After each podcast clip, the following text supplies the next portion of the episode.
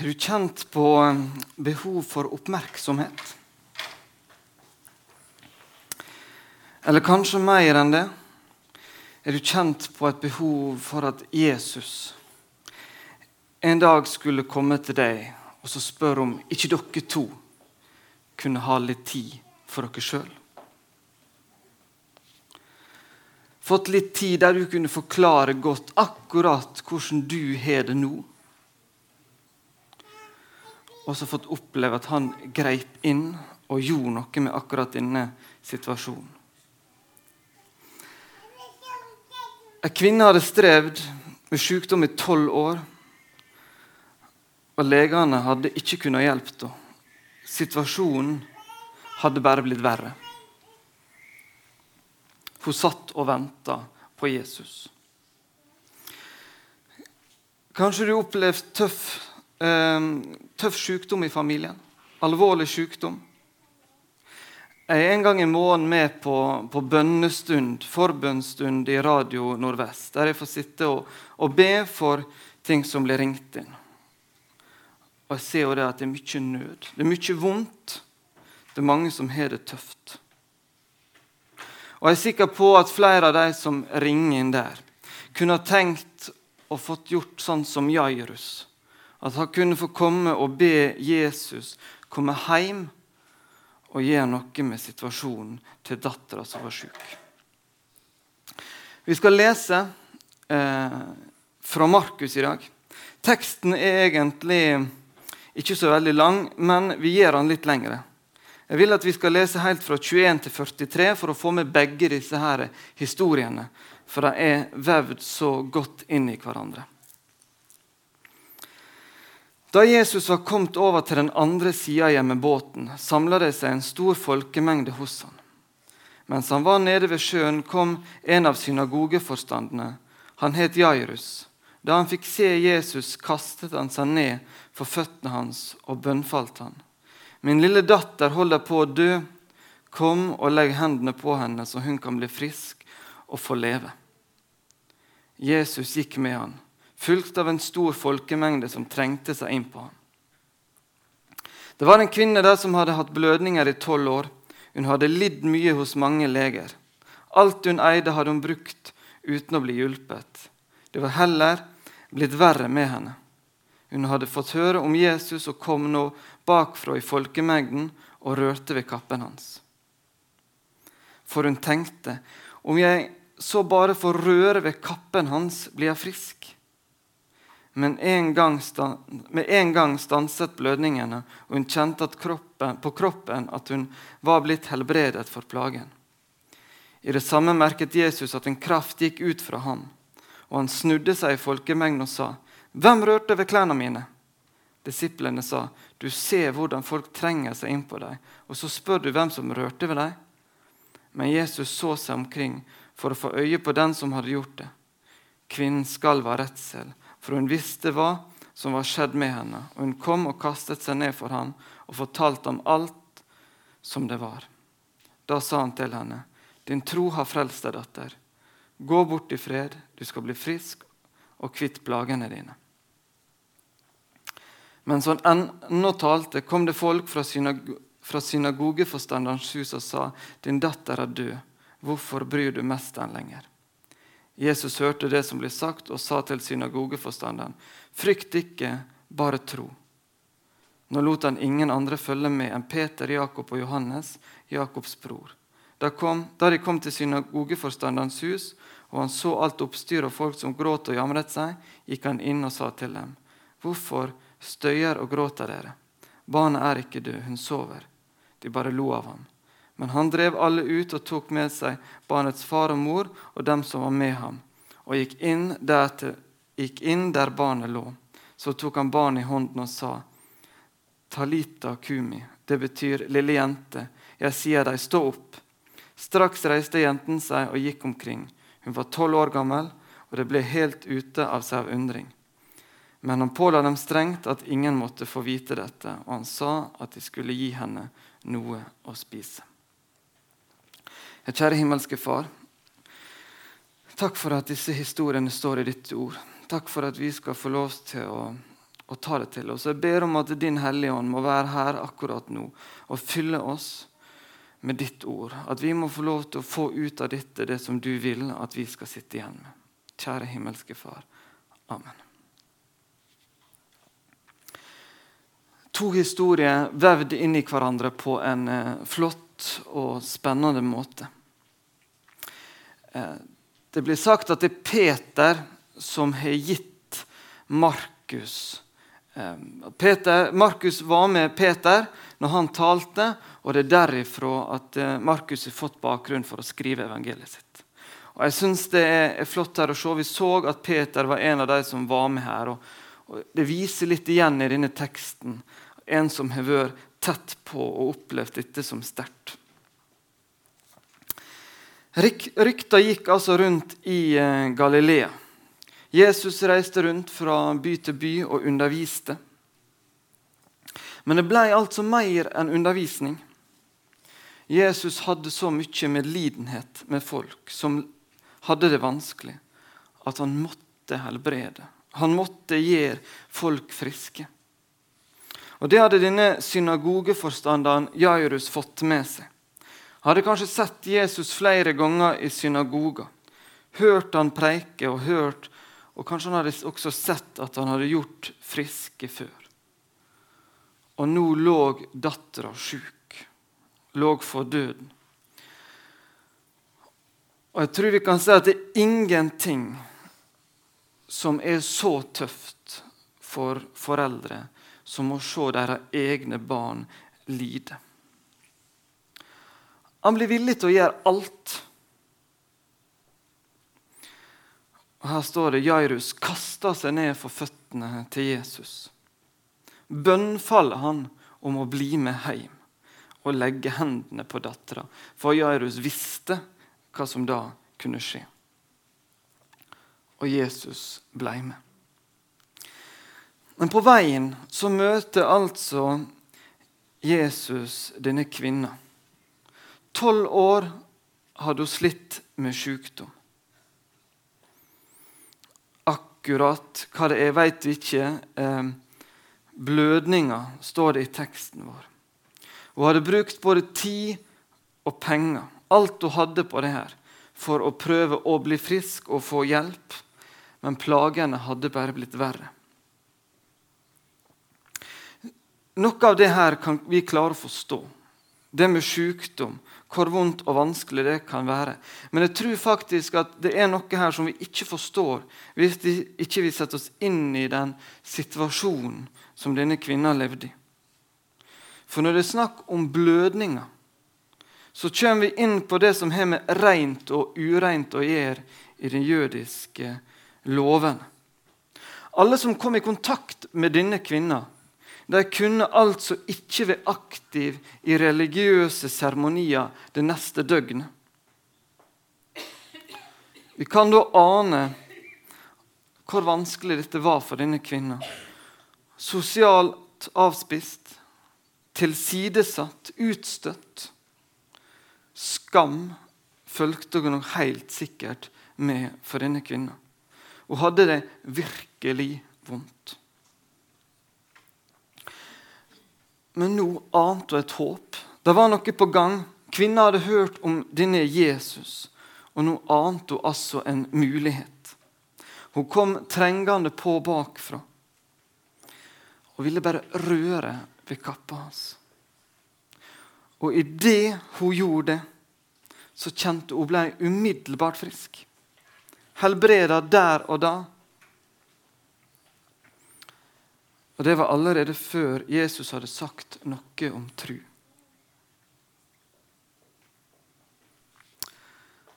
Så Jesus han kjente at ei kraft gikk ut av han umiddelbart.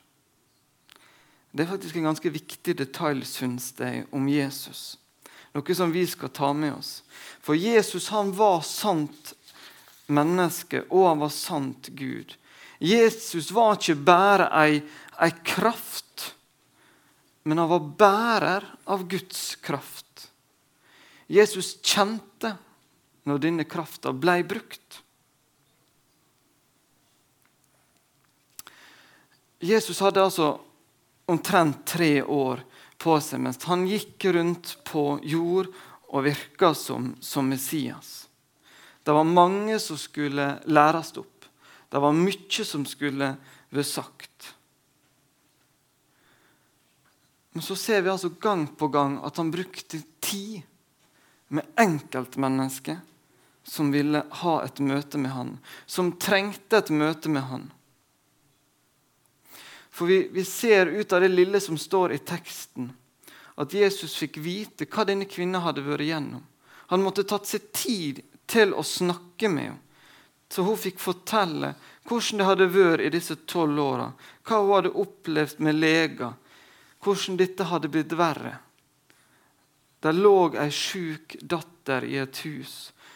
Men han tok seg tid til denne kvinna mens han var på vei dit. snakka med henne, brydde seg om henne. Og så når han kommer til dattera til Jairus, så vekker han henne opp fra de døde. Og Så står det en herlig detalj til slutt. At han brydde seg om at hun var sulten. De måtte gi henne mat. Her er altså For oss mennesker som, som har fort for å tenke at døden er liksom slutten. Da er det ferdig. Og tenk at Det er liksom det viktige her i historien. Så sier Jesus nei, hun sover, og nå må dere huske å gi henne mat. Jeg syns det er sterkt å se på disse her to historiene. her. Hvor på Jesus er. Hvor mye han bryr seg om livet vårt. Han bryr seg om sykdom, han bryr seg om dem som har det vondt. Og så bryr han seg om at vi skal få mat.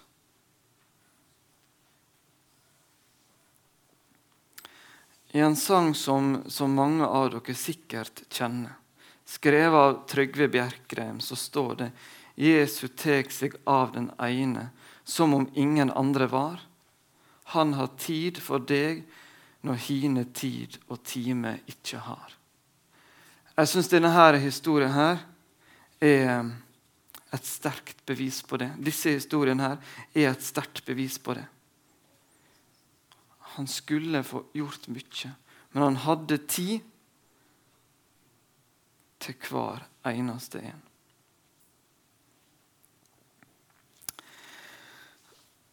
Så kan du kanskje tenke ja, Jesus hadde det når han var her på jord. Men var det noe som bare skjedde da? Skjedde det før? Skjer det etterpå? Jeg har brukt en del tid det siste året på å lese i Gamle Testamentet.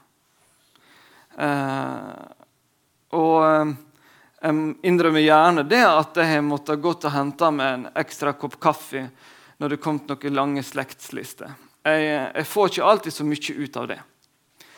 Men det er noen ting som har festa seg noen ting som jeg syns er, er, veldig spennende, som berører akkurat det her. F.eks. fra første kongebok. En bok som handler om konger. Om store og viktige menn.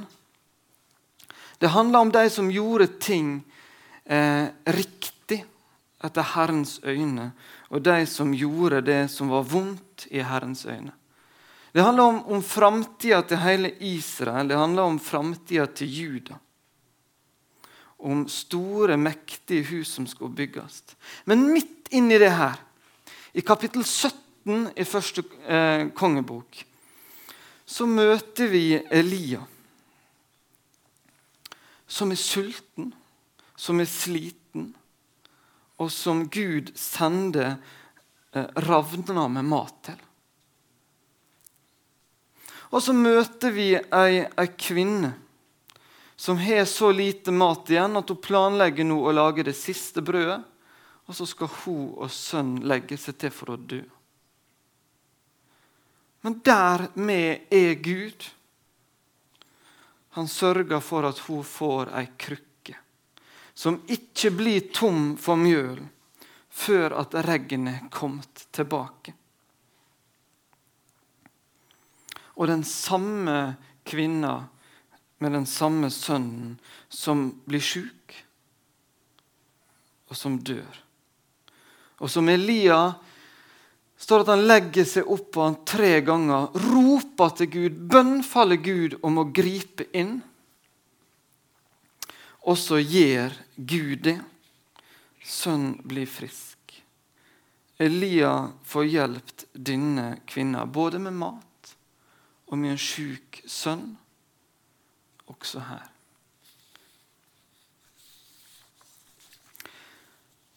Forrige søndag så snakka jeg en del om det store skaperverket. Og for Vi tenker fort at Det gamle testamentet handler om de store ting, om de store linjene, om Guds storhet og mektighet. Og det gjør det. Det handler om det. Det handler om en stor og hellig Gud. Men det handler også om en Gud som er veldig nær. En Gud som valgte å ta bolig i et telt midt mellom sitt folk for å få lov til å være dem nærmest mulig. En tekst som jeg valgte å ikke bruke forrige søndag, som handler om det store skaperverket, men som også understreker dette om hans nærhet, er Salme 8. Når jeg ser din himmel, et verk av dine fingre, månen og stjernene som du har satt der, hva er da et menneske at du husker på det, et menneskebarn, at du tar deg av det.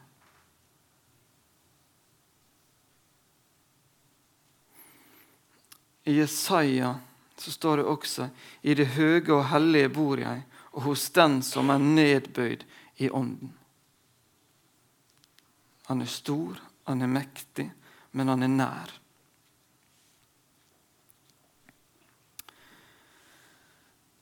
Hva som i dag? Kanskje du bedt i årevis uten at du ser noe tydelig svar. Jeg tror jeg har bedt nå i omtrent 20 år om å bli bedre til å sove. Jeg har sagt at jeg er villig til å gi en million for å få det slik som de som kan bare ligge seg på puta, og så er de vekke. Slik skulle jeg gjerne hatt det. Jeg har bedre perioder og jeg har dårligere perioder, men jeg er dårlig på å sove. Så har ikke Gud gjort noe med det ennå. Så tenker jeg litt på er, er han nær meg? Hvor er han?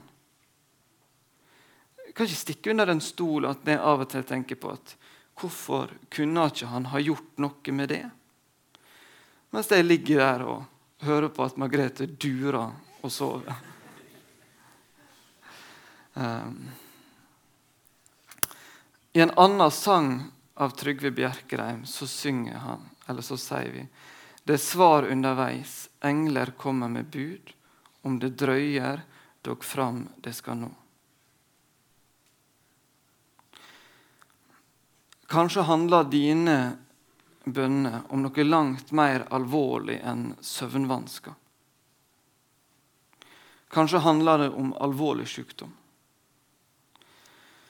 Kanskje handler det om, om ektefelle eller barn som ikke har sagt ja til Jesus. Kanskje tenker du at Gud er langt borte og lurer på om han ikke snart har tenkt å gjøre entré. Jeg har lyst til å si da to ting. Det første det kan være en trøst, men jeg er også klar over at det kan provosere litt. Like etter at jeg talt ferdig, så skal Linda Gjerde synge den sangen igjen som hun sang for, for to uker siden.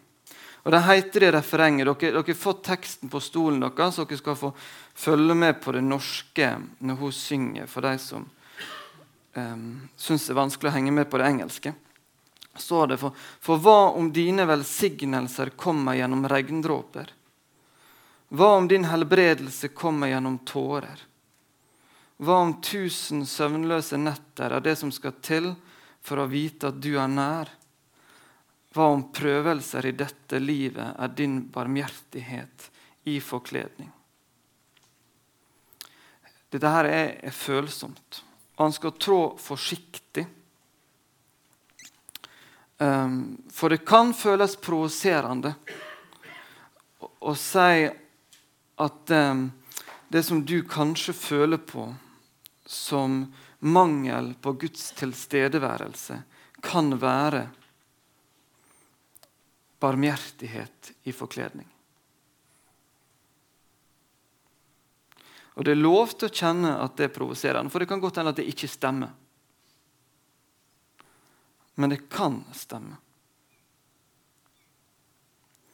Mange har i ettertid fått oppleve at vanskelige ting har ført dem nærmere Gud.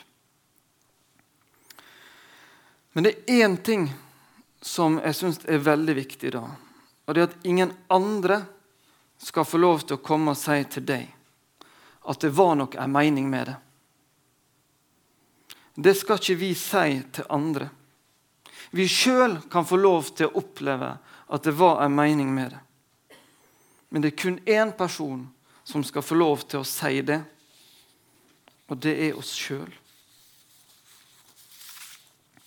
Gud ønsker ikke at vi skal oppleve lidelse, men han kan bruke det til det gode.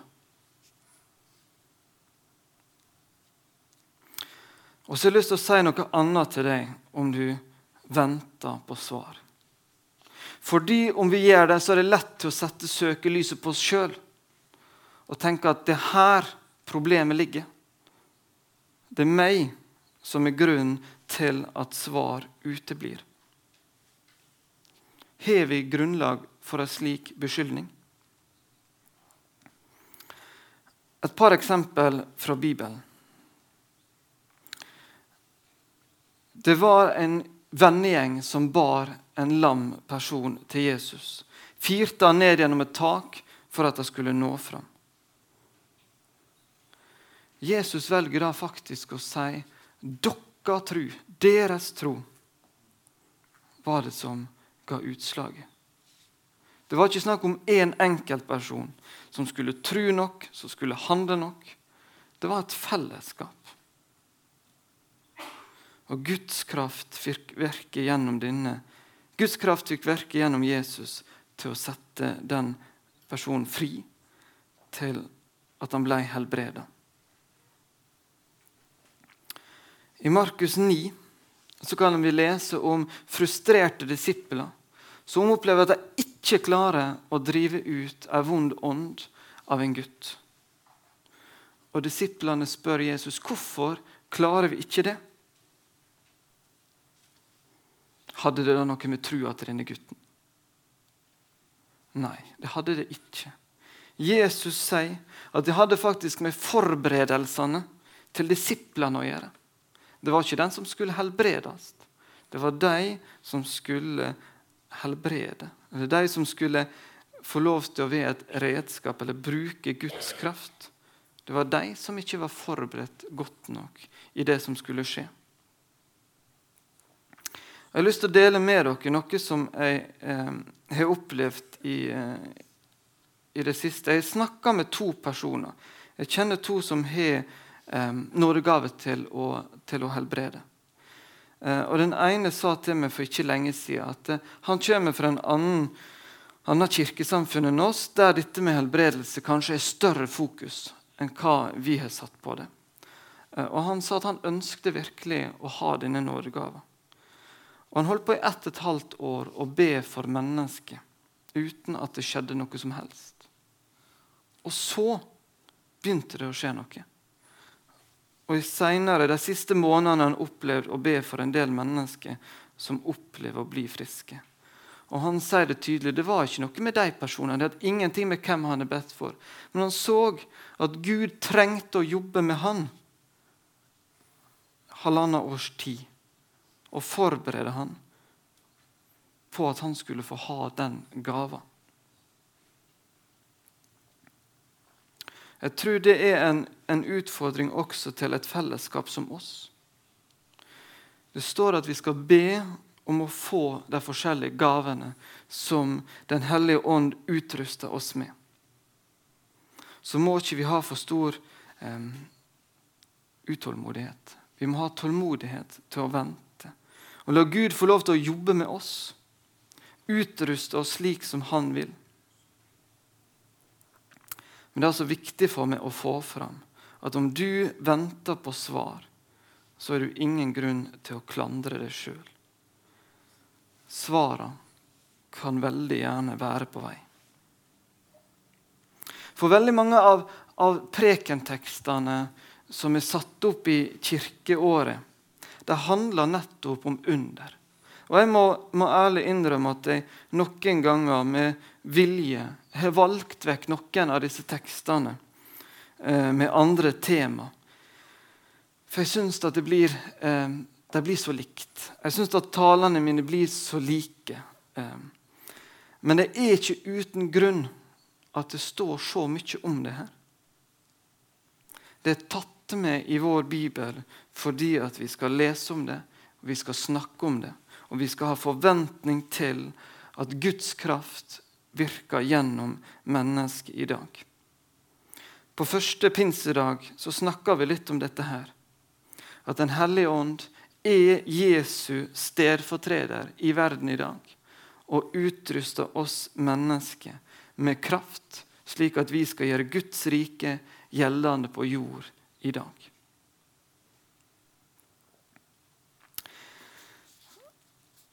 Jeg vil at vi skal sitte igjen med etter talen i dag og etter denne teksten i dag at vi har ingen grunn til å tvile på at Gud er nær. Vi finner det i Gamle testamentet, vi finner det i Nytestamentet, og vi har mange opplevelser fra vår tid. Gud er nær. Gud er paktens Gud. Han er lovnadene sin Gud. Gud holder sitt ord, og når han gang på gang gjentar i sitt ord at han er nær, og at han bryr seg, så gjør han det. Samtidig så skal vi få lov til å være um, opptatt av at han godt kan kjennes nær også. Vi skal få lov til å bry oss om følelser. Vi skal få lov til å søke gavene som Den hellige ånd utruster oss med, slik at vi kan gjøre Guds rike gjeldende i vårt fellesskap og på jord i dag. Vi skal være frimodige til å be for hverandre. Kjenner du at du ønsker det? Har du behov for det, så be noen om å gjøre det kom gjerne og spør meg, så vil jeg gjerne legge hendene på deg. Amen.